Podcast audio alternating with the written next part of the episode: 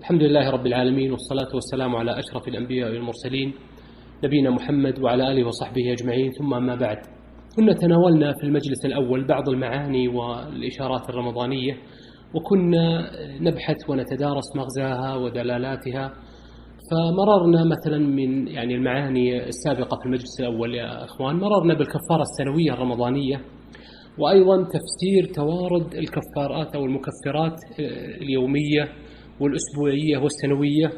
وأيضا تناولنا كيف عرف القرآن رمضان وكيف وصفه بأخص الخصائص إن شهر رمضان الذي أنزل فيه القرآن. وتناولنا معدودية رمضان. وأيضا أشرنا إلى العلاقة بين شرف العمل وشرف الزمان. سنتناول في هذا المجلس الثاني من مجالس المغزى الرمضاني إشارات أخرى وهما إشارتان. الإشارة الأولى هي أسرار الإضافة الإلهية. والإشارة الثانية يمكن تسميتها ما بعد السبعمائة أو ما فوق السبعمائة.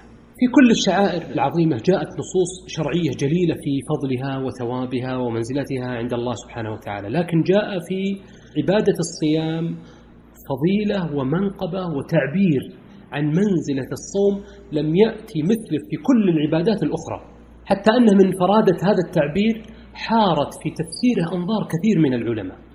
وهي قوله صلى الله عليه وآله وسلم في الصحيحين كل عمل ابن آدم له إلا الصوم فإنه لي وأنا أجزي به.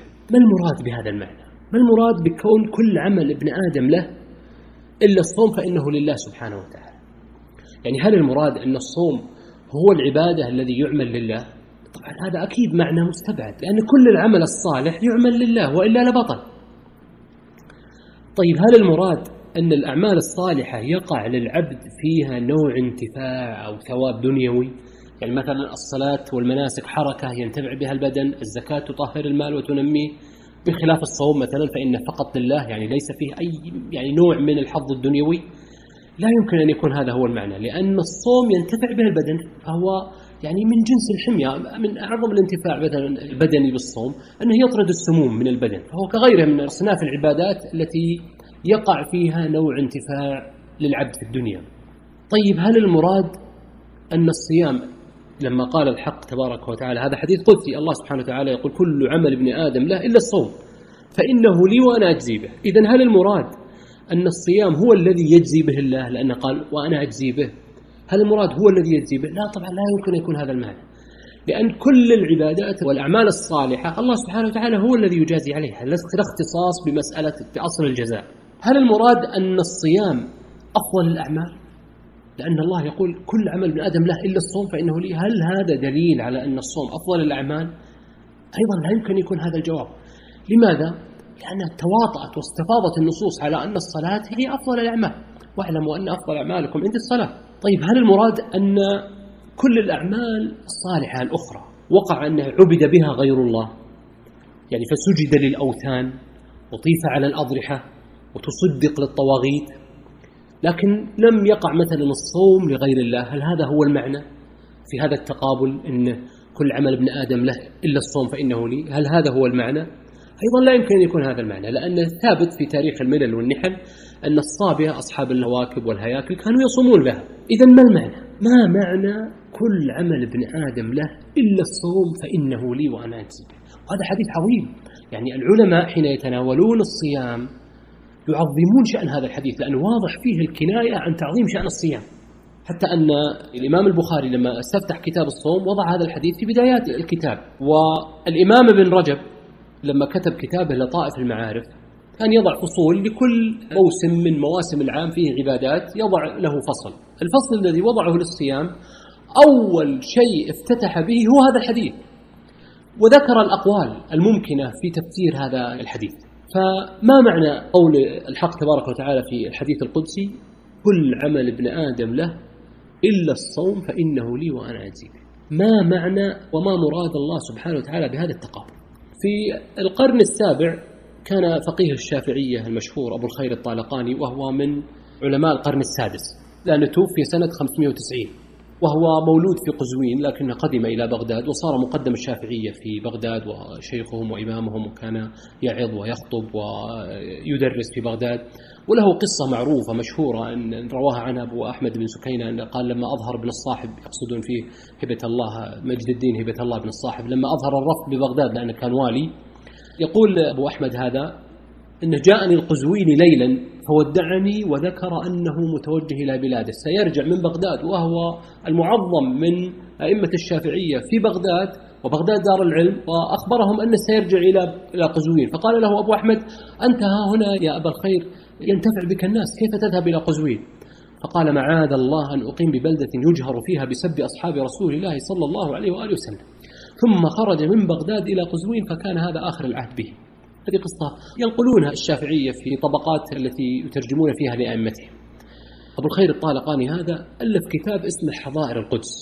يتضح من ذلك أنه ألفه على الاستقصاء وذكر فيه معاني يعني منها مثلا أنه ذكر لرمضان ستين قولا و وتعرض لهذا الحديث وما هو معناه. ما معنى قول النبي صلى الله عليه وسلم فيما يرويه عن ربه تبارك وتعالى أن الله تعالى قال كل عمل ابن آدم له إلا الصوم فإنه لي وأنا أجزي به فأخذ يستقصي أبو الخير الطالقاني هذا كل ما ورد عن أهل العلم من قول في تفسير هذا الحديث حتى أوصلها إلى خمس وخمسين قولا. وطبعا يعني قد يستغرب البعض من وصولها إلى هذا العدد. والحقيقة ذكر وتعديد الأقوال له منهجان عند أهل العلم. المنهج الأول هو منهج التحصيل والمنهج الثاني هو منهج التفصيل. منهج التحصيل هو الذي يتأمل القدر المشترك بين الأقوال ويرجع حاصلها إلى قولين ثلاثة أربعة. منهج التفصيل هو الذي لا يراعي القدر المشترك لا يراعي اتحاد الجهة.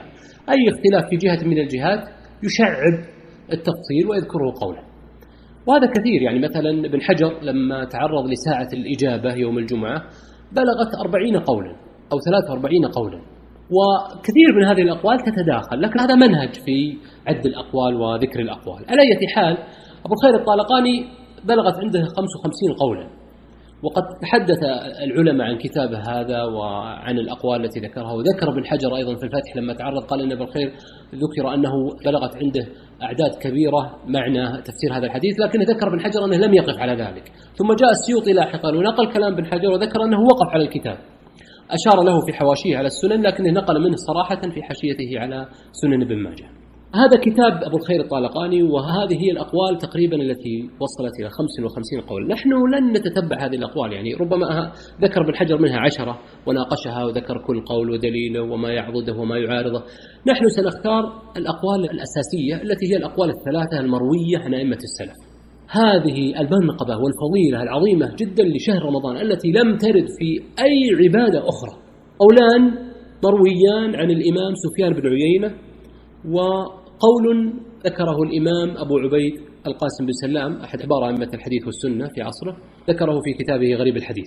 قول الأول هذا قول سفيان بن عيينة الأول أن كل الحسنات توفى منها مظالم العباد يوم القيامة ويقتص منها إلا حسنات الصيام.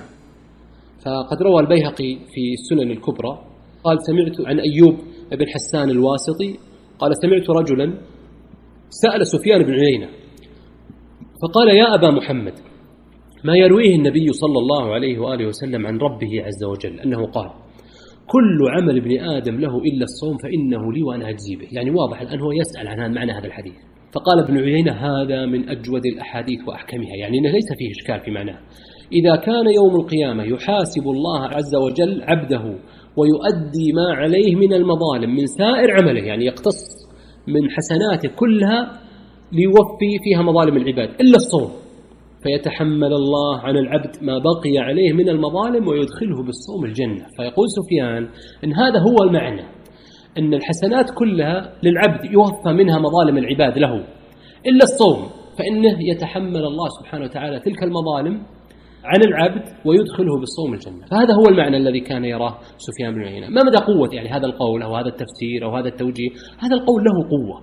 فالبخاري روى في صحيحه حديث عن أبي هريرة عن النبي صلى الله عليه وسلم عن الله جل وعلا أنه قال لكل عمل كفارة والصوم لي وأنا أجزي به. فهذا يوحي أن الصوم لم يدخل في الحسنات التي توفى بها مظالم العباد. وإن كان ليس هنا استثناء لم يقل الله لكل عمل كفارة إلى الصوم لكن ورد في الروايات الأخرى لكن الذي في الصحيح كافي. هذا واضح فيه الاستثناء أن الصوم لم يدخل في فيما سبق. قال القرطبي رحمه الله عن هذا القول يقول قد كنت أستحسن هذا الجواب إلى أن فكرت في حديث المقاصة. فوجدت فيه ذكر الصوم في جملة الأعمال المذكورة. حديث المقاصة الذي هو تعرفونه الذي هو حديث من المفلس. لما قالوا يا رسول الله من المفلس؟ فقال المفلس الذي يأتي يوم القيامة بصلاة وصدقة وصيام ويأتي وقد شتم هذا وضرب هذا وأكل مال هذا. وفي الحديث فيؤخذ لهذا من حسناته ولهذا من حسناته فإذا فنيت حسناته قبل أن يقضى ما عليه أخذ من سيئات فطرحت عليه ثم طرح في النار. قرطبي كان يقول يقول ظاهر هذا الحديث أن الصيام اشترك مع بقية الأعمال. هذا يعني أن الصيام لم ينفرد في أن حسنات الصيام لا توفى بها مظالم العباد ولا يقتص بها مظالم العباد. هذا يشكل على قول سفيان بن عيينة. القول الثاني أيضا مروي عن سفيان بن عيينة قال كل الأعمال كشف للعباد فيها مقدار التضعيف.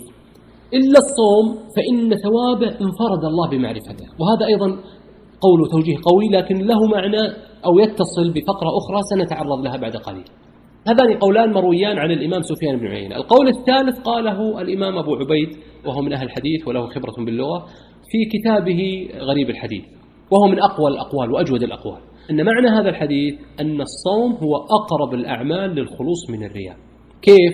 الآن عامة الشعائر والأعمال الصالحة تكون بفعل الجوارح. يعني الآن لما يريد الإنسان أن يصلي يسجد يركع تكون بفعل الجوارح. يريد أن يقوم بالمناسك عمرة حج تكون فيها طواف وسعي ووقوف بعرفة كلها فيها أعمال جوارح.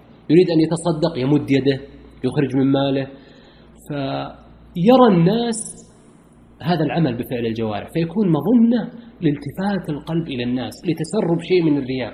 الأعمال تكون بهذه الأفعال والأقوال لكن الصوم إمساك. مجرد الفعل نفسه لا يعلم الناس فيها أنك في عبادة ما لم تخبرهم لكن مجرد الفعل نفسه ليس فيه رياء.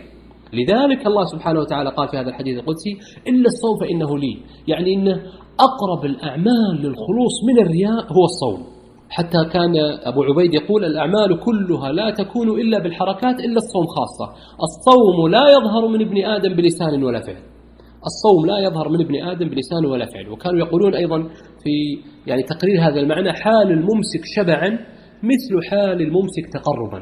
يقصدون في الصورة الظاهرة.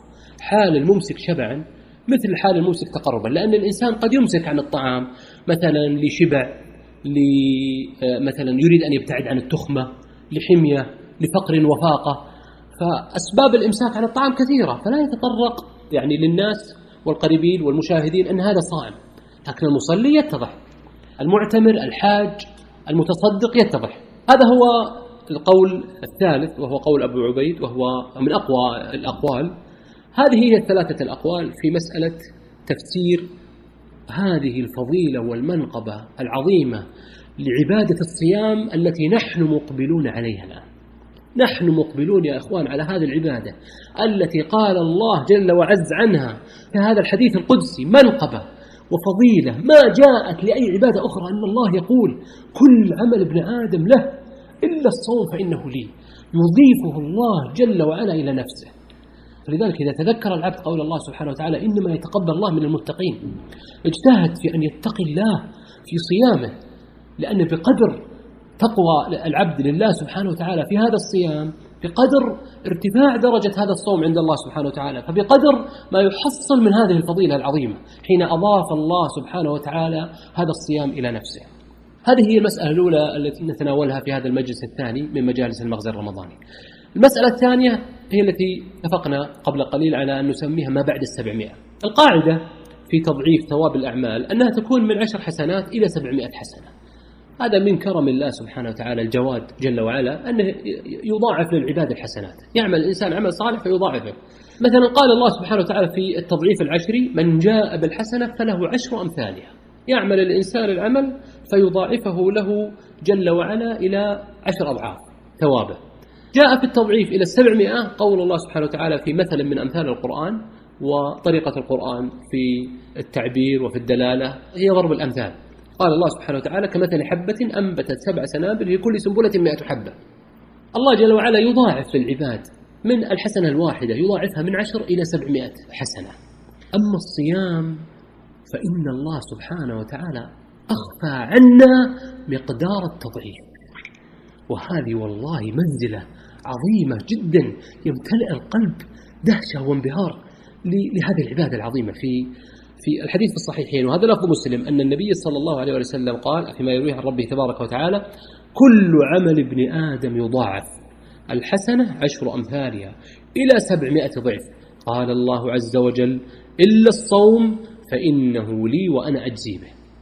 كل عمل ابن آدم يضاعف الحسنة بعشر أمثالها إلى سبعمائة ضعف. قال الله عز وجل إلا الصوم فإنه لي وأنا أجزي به. فعبادة وعدنا الله جل وعلا أنه يضاعفها لنا إلى ما فوق السبعمائة ضعف. اليوم الواحد نصومه أجره أكثر ليس فقط مثل أكثر من أجر صيام سبعمائة يوم. هذا ثواب عظيم. أكثر الله سبحانه وتعالى لم يبين لنا المقدار التضعيف. لما؟ ليدلنا على أن الأمداء الواسعة الفسيحة لمضاعفة الثواب لا تحصر ولا تحد وهو الكريم سبحانه. هذا الذي يقولها الجواد سبحانه الذي ضاعف بقية الأعمال من عشر حسنات إلى سبعمائة ضعف. ولماذا؟ يعني أهل العلم يلتمسون أن معنى هذا هو بسبب أن الصوم أصله هو عبادة الصبر. والله سبحانه وتعالى يقول إنما يوفى الصابرون أجرهم بغير حساب. بغير حساب. شعيرة الصوم هي عبادة الصبر فأجرها بغير حساب. بل كان أهل العلم إذا تكلموا عن تفسير هذه الآية جعلوها هي عبادة الصوم. وقد تكون أيضا هي من ضرب الأمثال لأن تفسير السلف كثير منه على طريقة ضرب الأمثال. فنحن الآن مقبلون على عبادة عظيمة. أضافها الله إلى نفسه. فقال كل عمل ابن آدم له إلا الصوم فإنه لي وأنا أجزي به. وأخبرنا الله سبحانه وتعالى الجواد أن تضعيف ثواب هذه العبادة يتجاوز السبعمائة ضعف. فقال كل عمل ابن آدم يضاعف الحسنة عشر أمثالها إلى سبعين ضعف إلا الصوم فإنه لي وأنا أجزي. به فالله الله يا إخوان ألا تفوتنا هذه العبادة العظيمة. ألا يفوتنا أن نتقي الله في الصيام. فالله سبحانه وتعالى يقول إنما يتقبل الله من المتقين. أسأل الله سبحانه وتعالى أن يبلغنا وإياكم شهر الصيام وأن يعيننا على أن نتقي الله في هذا الصيام وأن نصوم إيمانا واحتسابا. والله أعلم وأحكم صلى الله وسلم وبارك على نبينا محمد وعلى آله وصحبه أجمعين.